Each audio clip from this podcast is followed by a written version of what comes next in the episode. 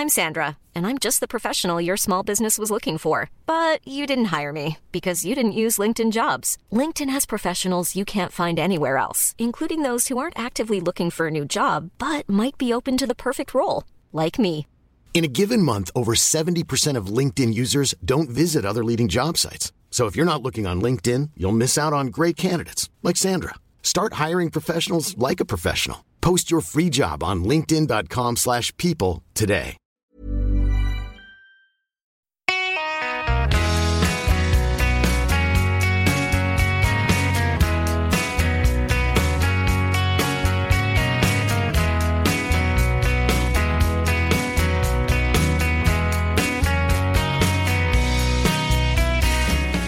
Hej hallå! Då var vi här igen. Jag, Henrik Ingvarsson och min kompis Lennart Persson. Avsnitt 37 är vi framme vid i denna podcast. Eh, Vi är ett par dagar och knappt det efter den nya uppvisningen av eh, en viss Bold Eagle. Här i. Ja, ja, han tystar alla kritiker höll jag på att säga, men alla som ifrågasätter honom då och då. Han tystar dem varje gång. Ja, jäklar. När alla, var- andra, när alla andra har speedat för fullt, då har han ytterligare en speed att ta till. Ja. Ja, det var kanske den mest övertygande insatsen på, på ett tag, trots allt.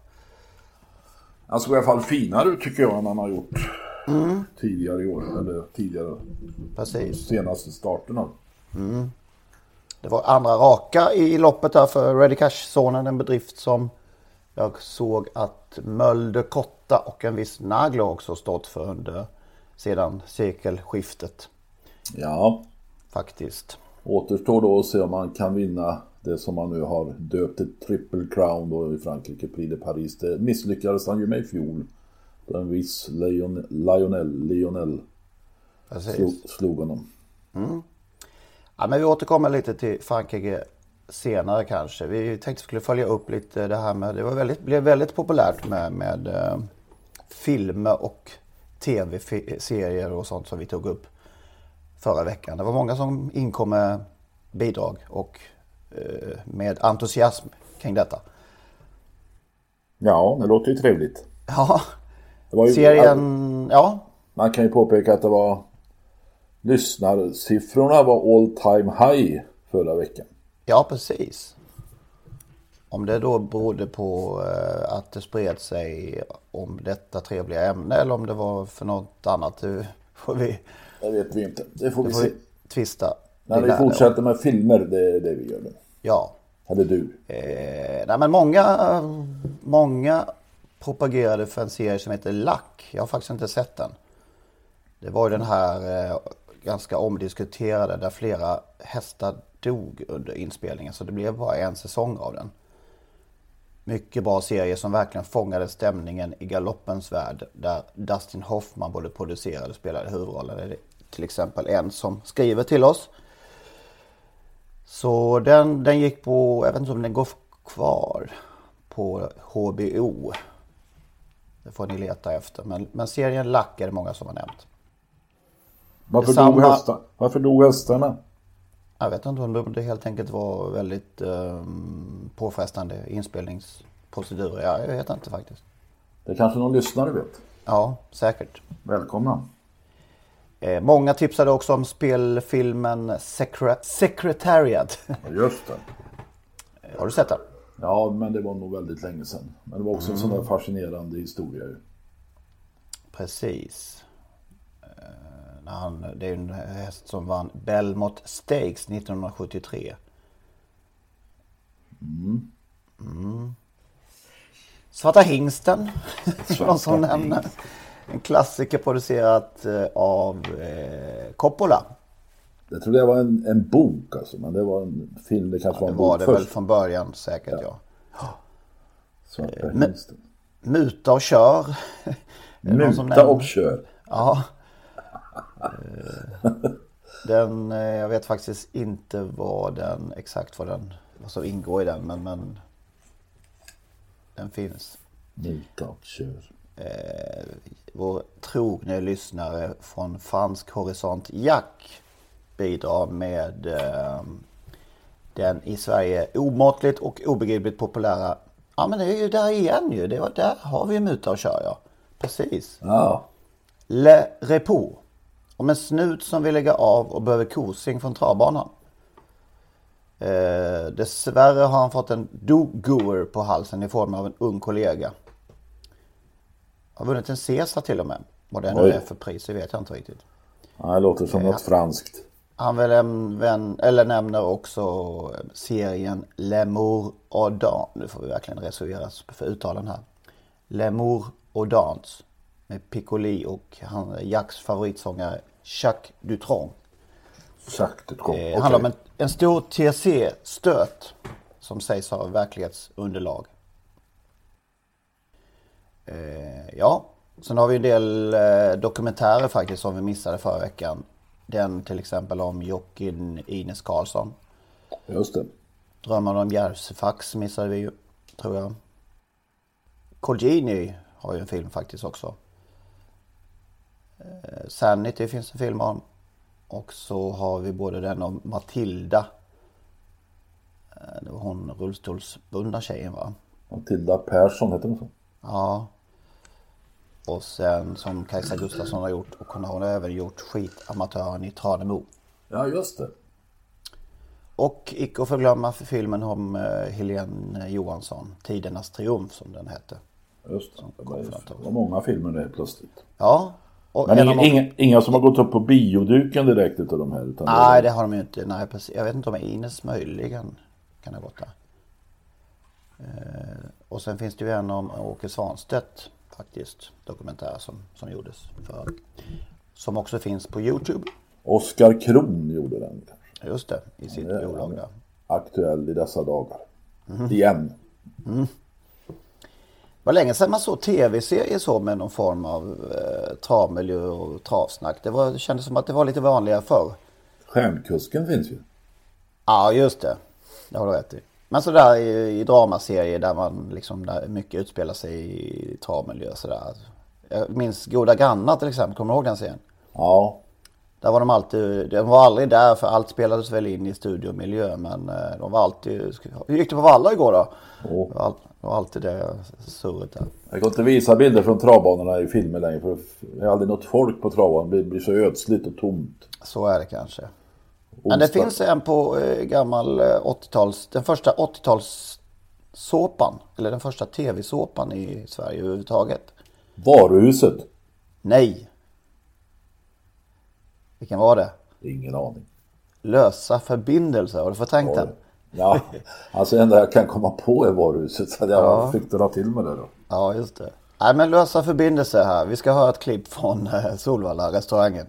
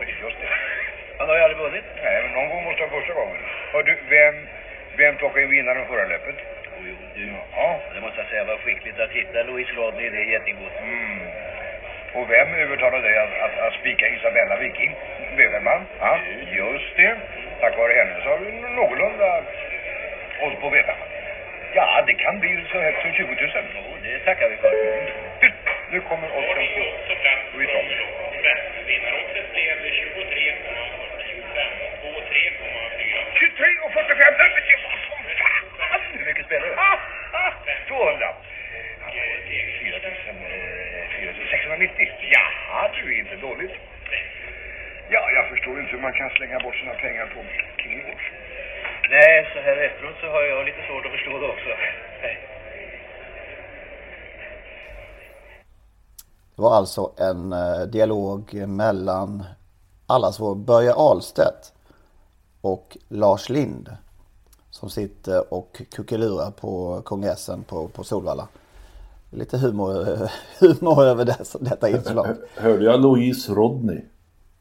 Louis... Ja, det kanske det var. Ja, det var det nu ja. Som aldrig vann lopp på tio starter, aldrig var på plats. Men Ja, okej. uppenbart, uppenbart, jag vet inte om jag hörde rätt. Vann hon det kanske?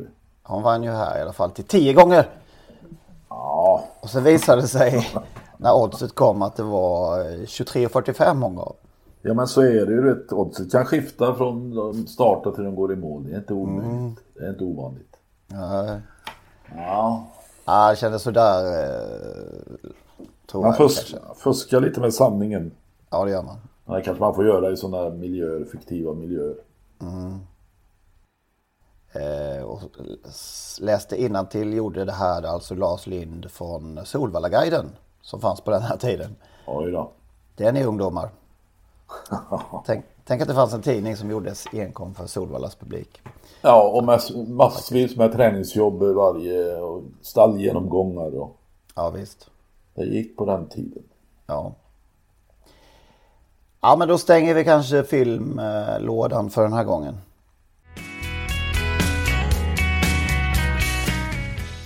Du ville prata vackra hästar. Ja, men alltså, jag tittar på en bild som jag hade lyckats få med mig hem, eller tagit ta, från mitt senaste besök.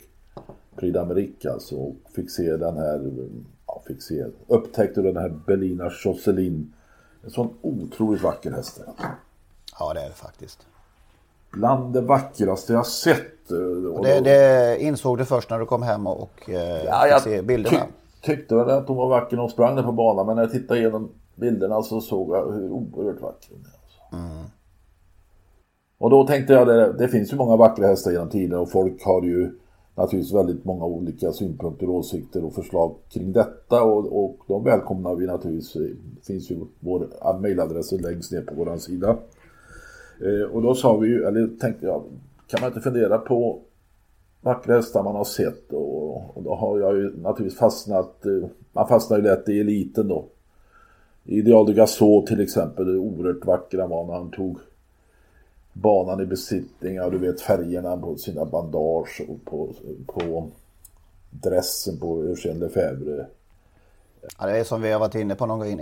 Hela den symbiosen mellan häst, kusk och utrustning kan nog vara det vackraste som har skådats på en travbana. Ja, Bengt Grive, den gamle tv-reportern, hade älskat de färgerna. Om de som minns Bengt Grive när han kommenterade konståkning. Eh, Hur oerhört fixerad han var vid vad konståkarna och konståkningstjejerna hade för dressar. Kanske inte heter men jag kallar det så. Kläder och färgerna. Precis. Ja, visst. Cerise. På tal om det så jag tittade på fotboll igår, Lazio-Milan och Milans eh, eh, bortaställ var av någon grön variant som kommentatorn Robert Perlskog eh, hade, ja, han, hade velat ha, han, han sade sig vilja ha hjälp av Bengt Grive igår Ja, för att beskriva färgen. Ja, Ja, Bengt Grive ihågkommen både i stora och små program. precis. En annan sån där eh, gammal hjäl- idol när det gäller utseendet var ju naturligtvis Ynde med. Och det, det var väl någon historia där Salvador Dalí, den kände konstnären, snodde Einar Anderssons bild och gjorde någon målning av det eh, på något sätt. Jag kommer inte ihåg exakt. Men det var, det var i alla fall en twist där vet jag. Men alltså Ynde med, det var ju drottningen utan krona.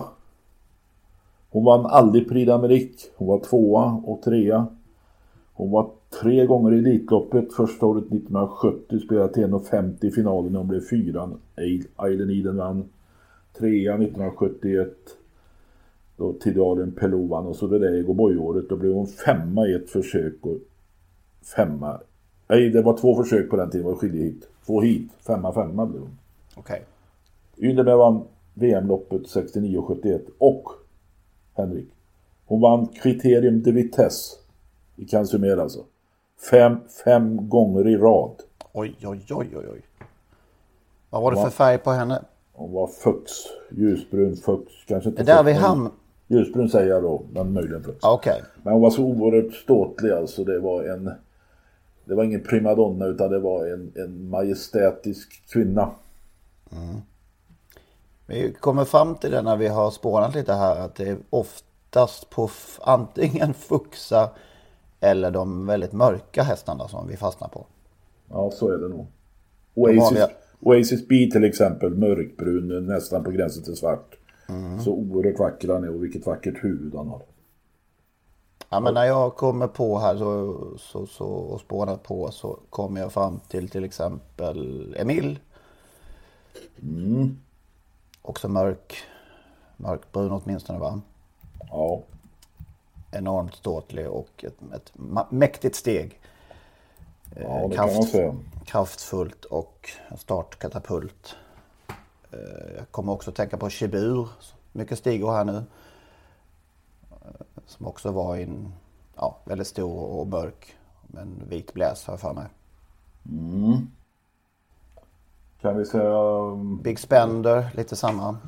Ja, och Big Noon kommer vi in på. Så oerhört vacker och vilket tryck alltså när han sprang. Den här bilden från Bjerke under kriget är ju så makalöst vacker. Får jag nämna en liten, en liten okänd häst?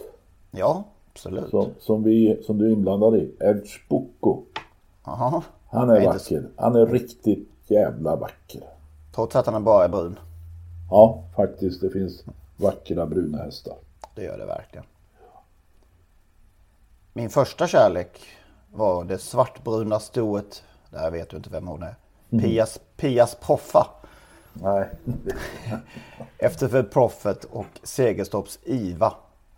Eh, Det var något som jag tyckte mig se något i en söndag på Kalmartravet en gång. Kanske slutade 4-5 någonting och jag tyckte att det här var nog någonting för kommande start. Par veckor senare spelade jag henne till 15 gånger och hon rundade hela gänget från sista häst. Det är som Men- numera kallas för nästa gångare. Precis. Med en vitklädd Lasse Högström i sulken. Det var... Jag vet, hon var också svart. I det närmaste kolsvart. Möjligen här var det inget märkvärdigt med henne. Men jag, jag blev i alla fall förälskad den gången. Du, nu åkte min granne, gick min granne förbi här. Mike Perry, vet du det?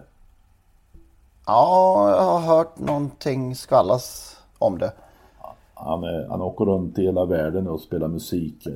Diskjockey. Han har någon jättelåt alltså. Ja, okej. Som jag inte kommer ihåg vad den heter. Nej, Men det var en parentes. det var en parentes. Han är varken häst eller vacker.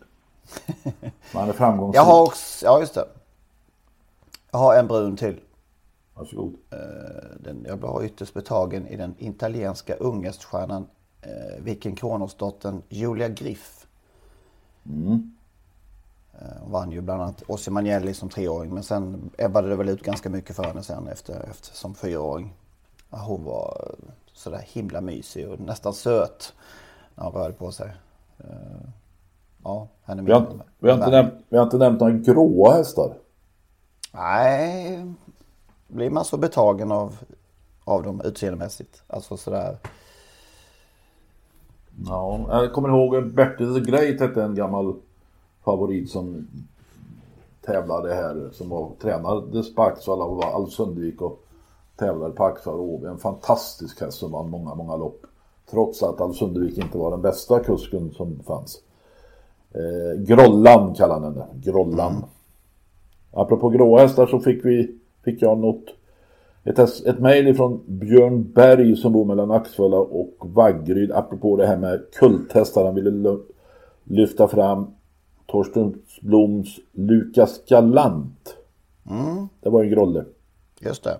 Jag fick där- in samma från eh, Mikael Solberger. Där ser man. Och Fine Lukrativ.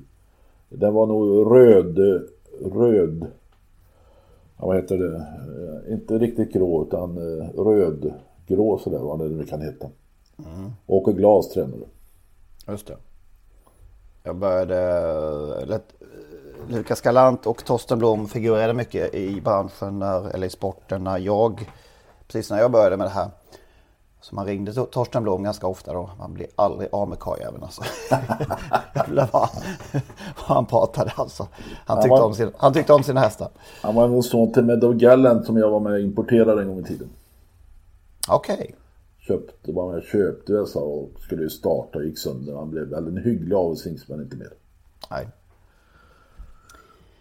Ska vi ta lite eh, och gå till Finland? Ja det kan vi göra. Tre minuter Kari, nu blir det tre minuter Kari. Tre minuter Kari, nu blir det tre minuter Kari. Om man nu kan hålla tiden. Tjenare Finland! Hej, hej. Du Kari, Peter Untersteiner blev ju årets tränare. Kommer du ihåg hur det lät 2004? Yes. Årets tränare är Åke Svanstedt. Nej, det var väl inte så. Många, många trodde att det skulle bli så va? Ja, ja det, var, det var det pinsammaste ögonblicket i trav, travlivna. Tidigare hade det inte korats någon V75-tränare.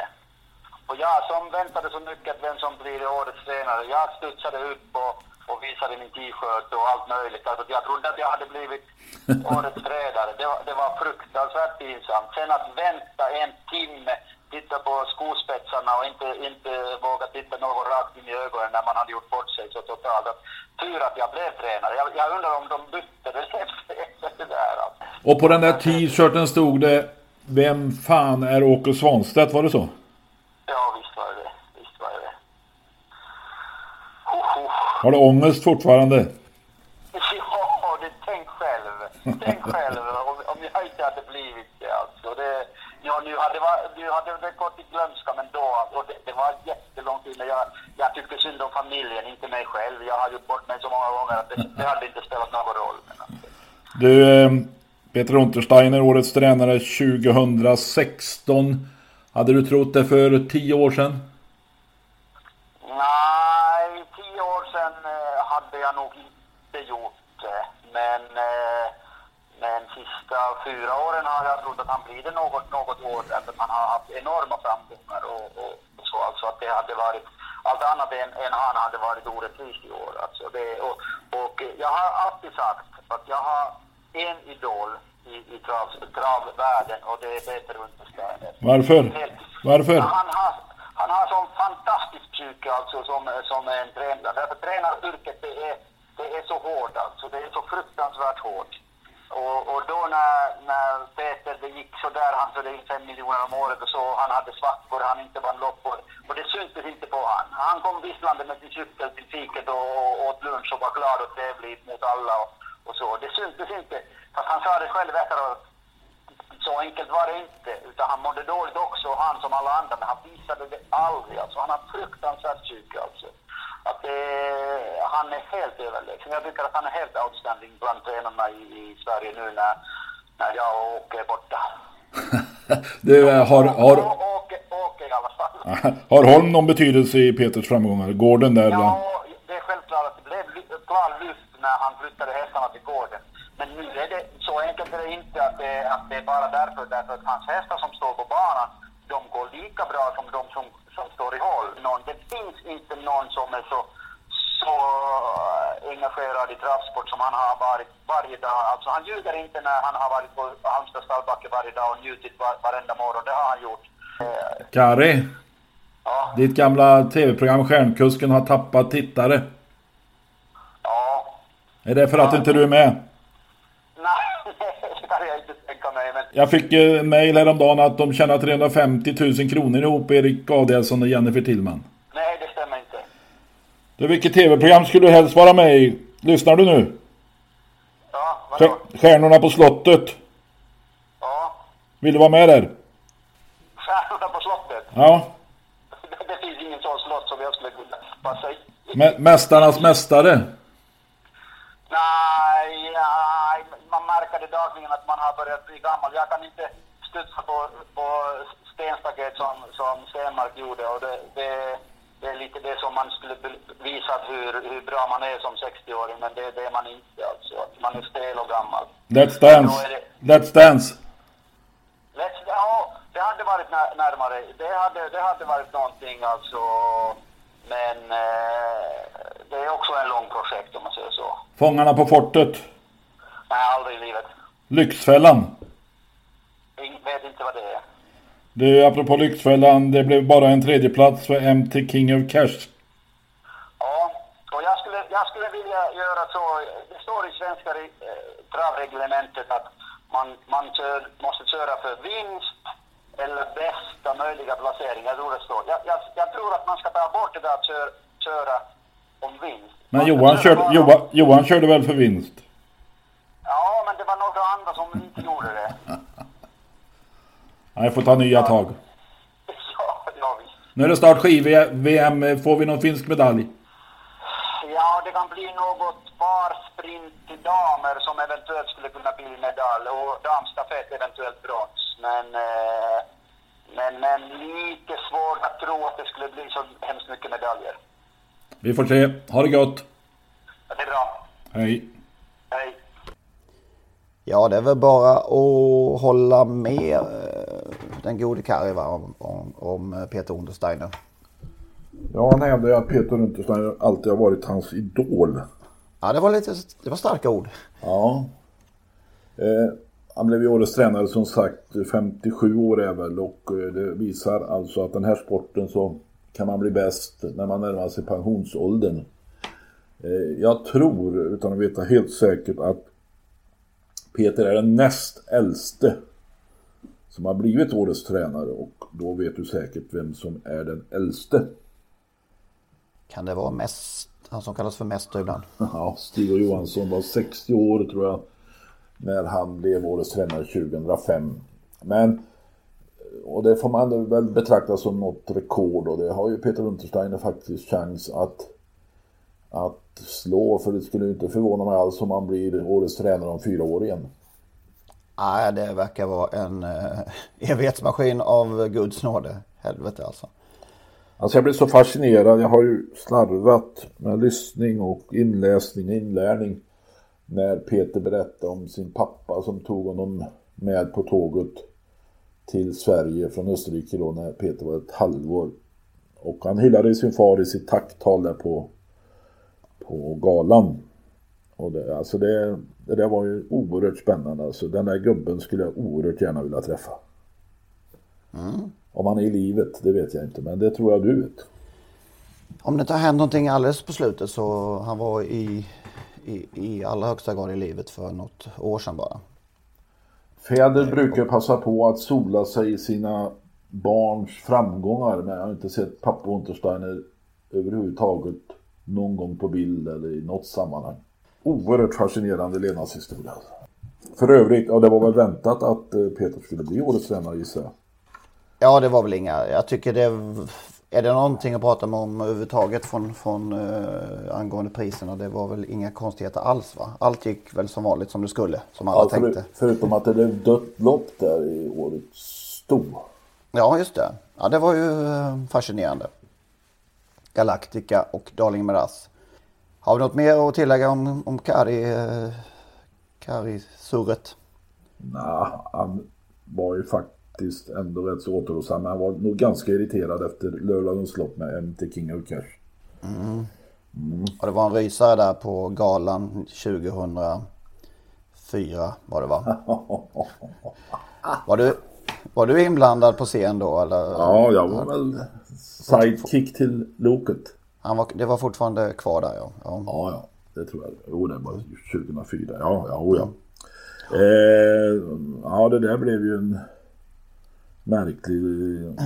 Pinsamt säger, pinsamt säger Kalle själv. Pinsamt. Tryckte upp den här t-shirten och sen eh, blev det ju årets tränare blev han. Då tog han, han fattade fel där, missuppfattade. ja. Så att eh, sen fick han ju vänta då till årets tränare och ja, det var ju oerhört pinsamt tyckte han. ja, Man blev ju det också. Lite, lite oväntat blev han det faktiskt. just det. Det är den tredje, därmed har tre Halmstad-tränare blivit årets tränare. För Petri Puro blev väl något år va? Okej, det har jag faktiskt tappat i minnet. Kanske. Lerkorpi Puro, två finnar och då en österrikare från Halmstad. På lördag ska du till Axvalla då. Din hemmabana. Ja, det hade jag ju tänkt först då, men sen... Jag vet inte om jag ska vara. Det beror på väder och vind. Som det är nu, strålande solsken, klarblå himmel. Lite vitt på marken. Eh, så sånt här väder, vindstilla, då blir det en underbar eftermiddag på Axel. Men sen hamnar vi där igen och att mörkret inträder och då ska Nancy och springa.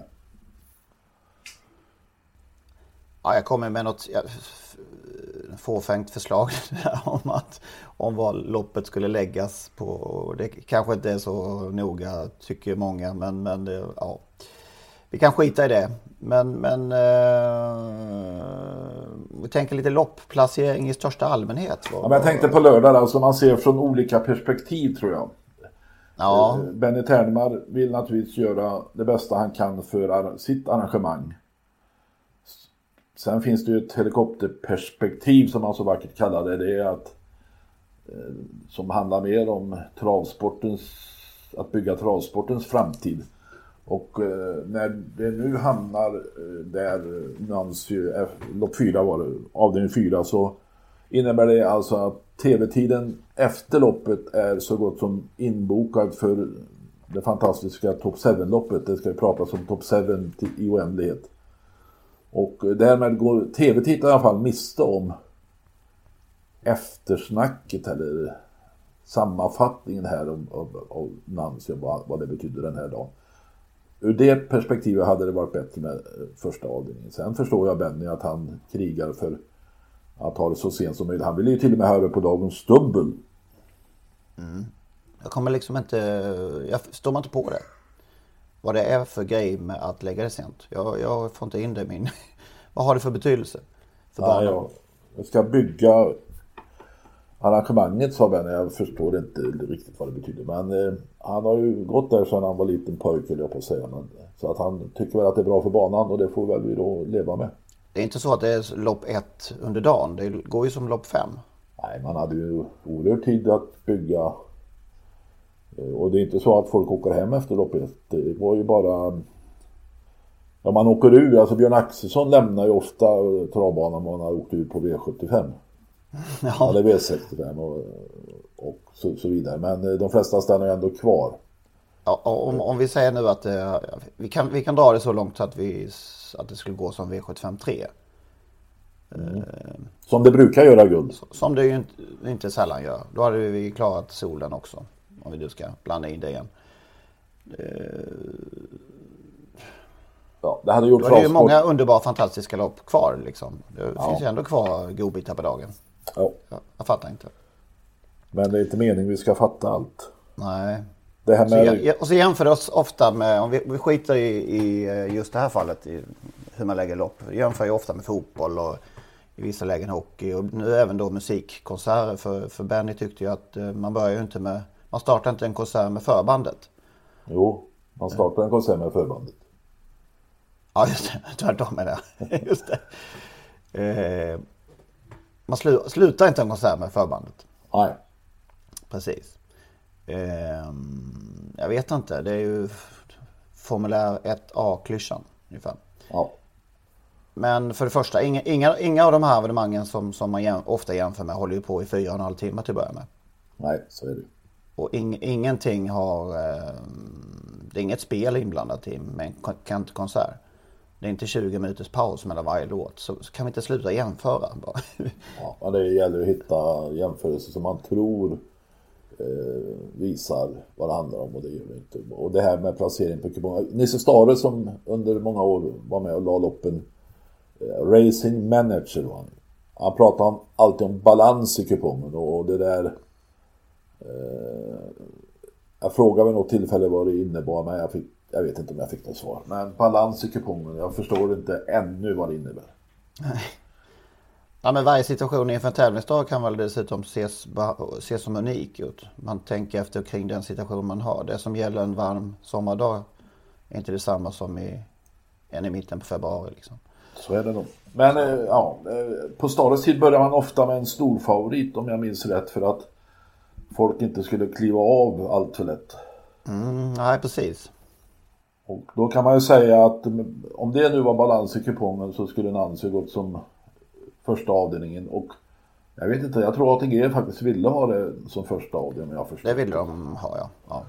Då hade det varit starebalans i kupongen om inte annat.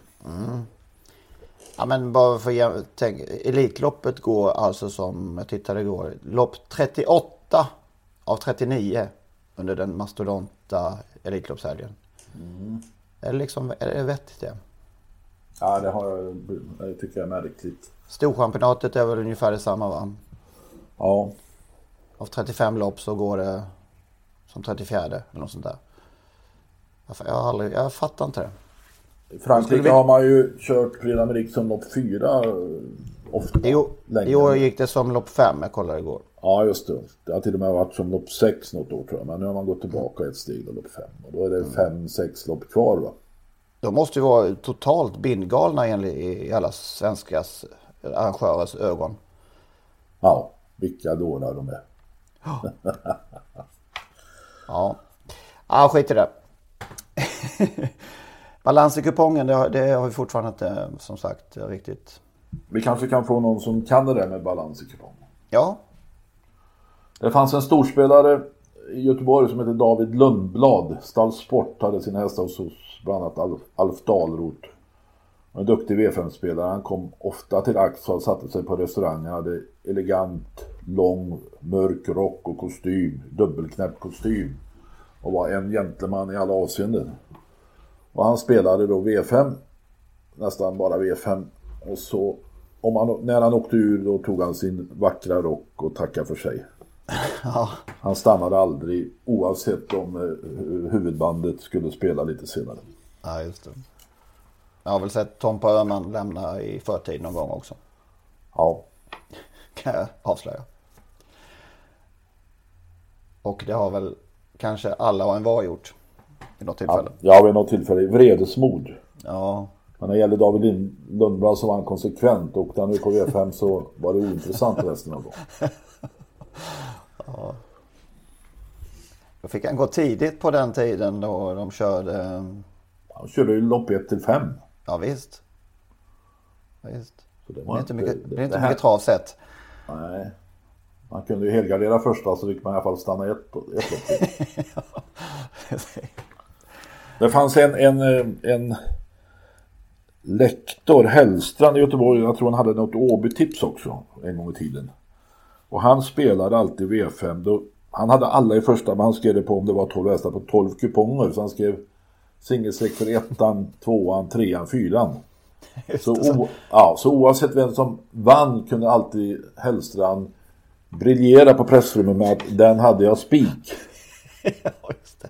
Ja, det är en klassiker. Det har man, det har man hört flera, flera köra faktiskt. Och jag lyckades få ensam V5 en gång i tiden, början på 80-talet och var väldigt nöjd för jag hade två hästar i första varav en var en rejäl skräll som vann. Och då kom lektor Hellstrand visa sin kupong och skulle sänka mig. Ah, jag hade den spik va. Då hade jag offrat två kryss och han ett. Ja. Du vann i, i längden där i alla fall. Ja, den dagen i alla fall. Den dagen. Vad har du på bästa listan? Jo, jag var och rota i Axvallas eh, eminenta tidningsklippsarkiv häromdagen. Och då kom Benny med en tidning som heter Allt om travsport tror jag. Heter den Ja. så? Som jag har eh, missat de flesta nummer. Den här måste du titta på sa, sa Benny. Och Jag började bläddra och där fanns åtta sidor om, ja du kan gissa, Lill-Mavil. Ja, det är ju... När, när, kom, när kom det här ut alltså? Ja, det är nog ganska nyligen men eh, Det är ju, är ju helt bisarrt. och Ville Claesson eh, hade skrivit om Lill-Mavil. Åtta sidor. Han ägde faktiskt en duktig journalist på GP bland annat. Ägde den här som heter Pekka Junior en gång i tiden. Men åtta sidor, alltså det var ju- jag fick, jag fick inte ta tidningen men jag fick eh, kopiera de där åtta sidorna så de ligger här nu. Så jag läser dem varje dag. Ja, det är. Ja, jag är- stum. Fantastiskt ju. Ja, det trodde man inte det skulle få den Ja. historien berättad väldigt utförligt. Detaljer som jag inte hade en aning om trots att jag... Är den mindre än, än ett år gammal tidningen? Du menar det här ex- exet? Nej, reportaget, är det mindre än ett? Ja, det tror jag. Ja, ja. Kan, kan Willy möjligen fått någon slags inspiration av, av den här podden? Nej, jag tror han tillhör eh, de som var med på den tiden och vi är ganska många som vet att Lillmavil är den bästa hästen som, bästa häst som har fötts i Sverige. Okej. Och det, eh, Så han, eh, han behövde nog ingen utomståendes inspiration utan han, han hade, ja, han älskade Lillmavil på samma sätt som jag har gjort genom åren.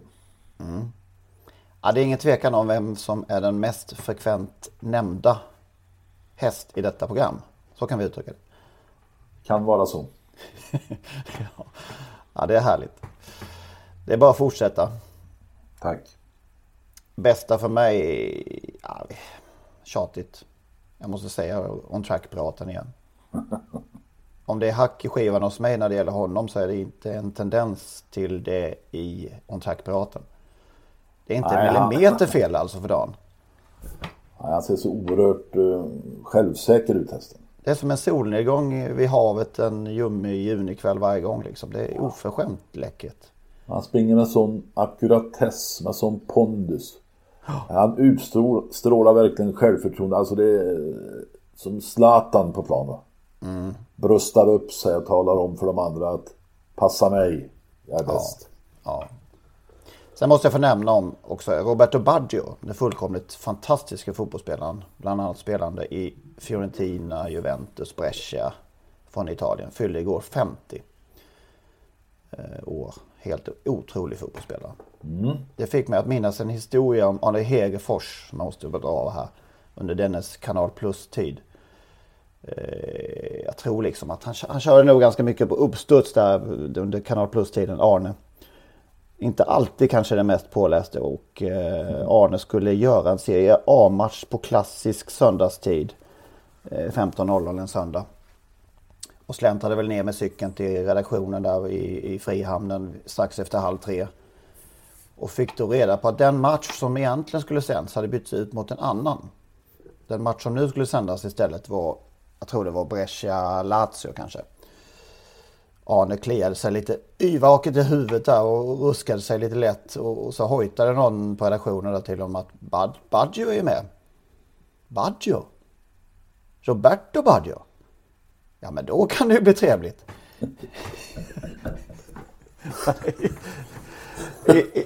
Jag tror inte det var så som sagt. Ingen jättekoll på den, eh, på den tiden. Nej, det gick ändå. Det, det är roligt att tänka på idag när vissa kommentar, kommentatorer kan liksom eh, redogöra för vad spelares mammors mormor eh, heter och hur de levde sina liv i, princip.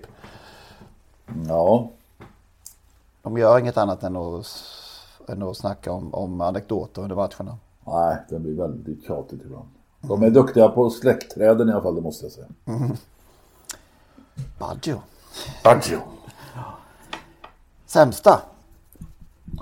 Ja, jag vidhåller ju då eh, att eh, det var lite pinsamt, eller inte bara pinsamt, att inte Olle Goop blev bjuden på galan. Och när jag sen läste någon ATG-informatör som hade uttalat sig så blev jag nästan förbannad. Alltså att Olle Goop hade inte anknytning till någon som var eventuell eller kandidat till något pris där. Och Eh, då kan man ju undra hur många som på galan som hade anknytning verkligen till de som var nominerade och eh, Olle Goop är så vitt jag vet far till Björn Goop som var nominerad. Men det har inte med det att göra riktigt utan vi ska väl kunna bjuda de stora vi har, Stig och Bernt Lindstedt, Olle Goop och, och, så vidare, eh, Åke Isberg, Gert Lindberg, Gert Lindberg var säkert där. De ska väl kunna bjudas varje år, de ska väl inte behöva bjuda sig själv med armbågen. Nej, det är klart att det är helt ofattbart. Eh, Olle Goop har väl anknytning till hela, hela varenda Hela- jävel. Ja, det är ofattbart för mig och det är så korkat. Ja. Och att dra på sig kritik i onödan på det viset. Men en sak till från galan som jag förstod de missade och det kan man väl eh, mänskliga faktorn kanske man ska skylla på då. Eh, men också en del okunskap. Att man hedrar tydligen de som har gått ur tiden under året på de här galorna numera. Och eh, det var några sådana i, i upp, fredagsuppenbarligen, men inte Håkan Hellestedt. Okej. Han glömdes bort. Vad har vi på Håkan? Vad minns vi? Ja, alltså för det första är han ju medlem i tusenklubben och bara det borde väl berättiga att bli omnämnd. Eh, sen har han ju, han var säkert champion på Umeåker, hade framgångar på Axvall, Squire Spur och ytterligare några USA-importer, om vi minns väl Timmy Hunt som vann en satans massa raka till exempel.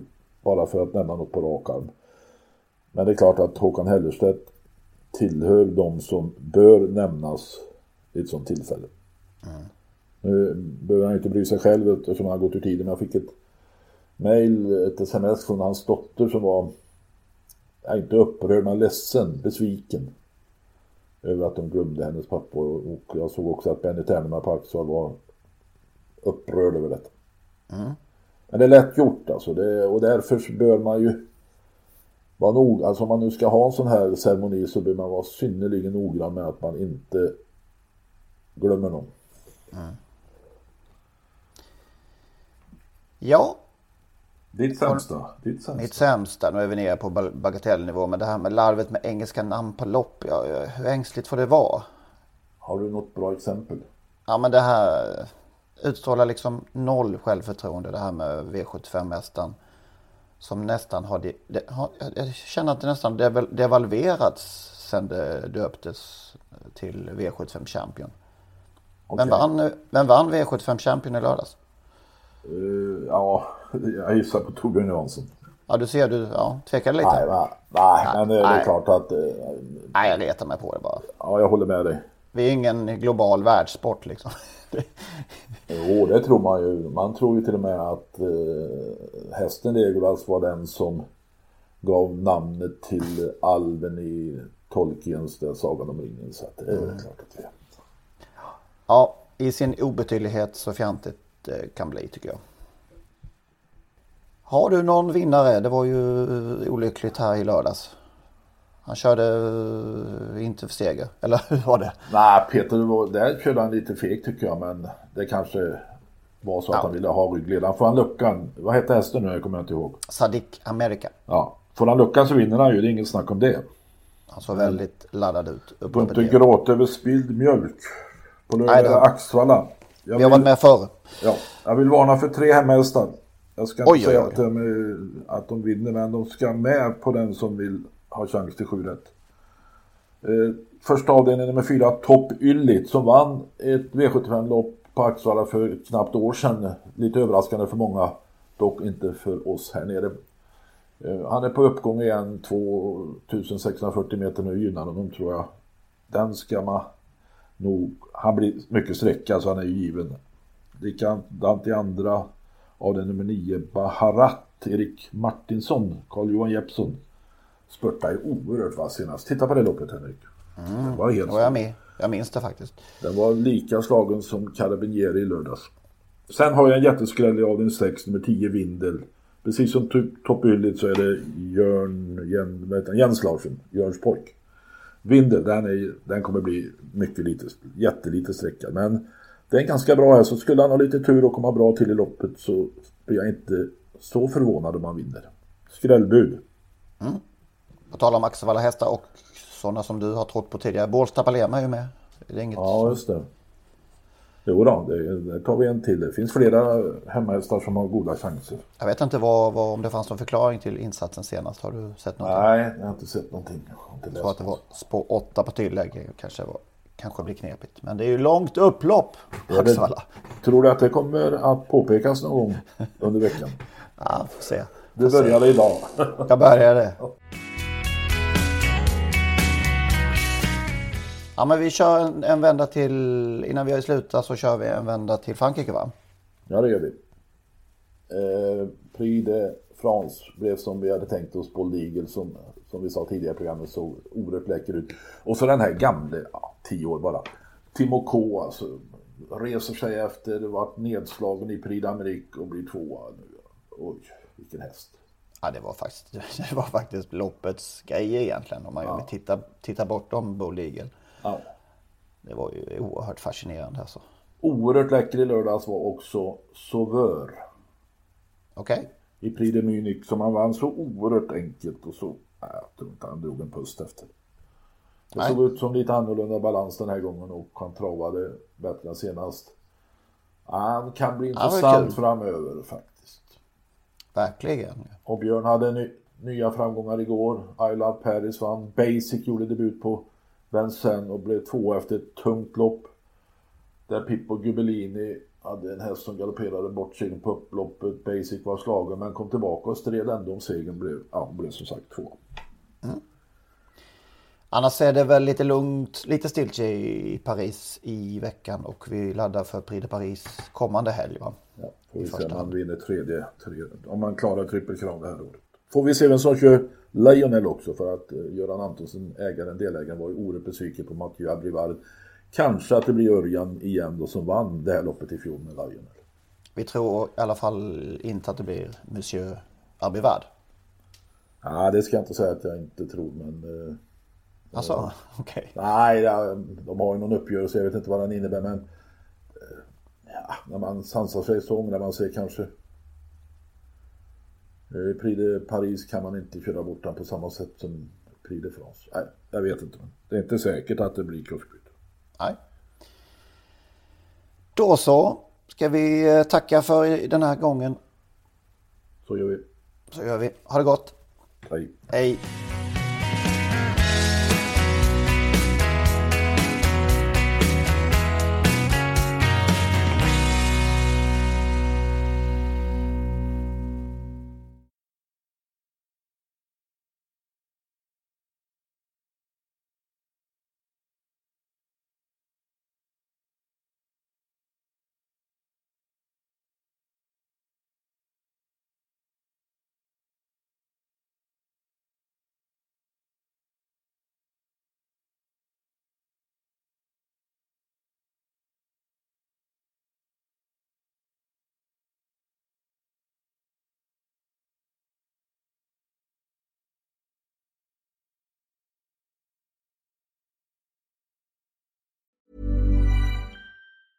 Mom deserves the best, and there's no better place to shop for Mother's Day than Whole Foods Market. They're your destination for unbeatable savings, from premium gifts to show-stopping flowers and irresistible desserts. Start by saving 33% with Prime on all body care and candles. Then get a 15-stem bunch of tulips for just $9.99 each with Prime. Round out Mom's menu with festive rosé, irresistible berry chantilly cake, and more special treats. Come celebrate Mother's Day at Whole Foods Market.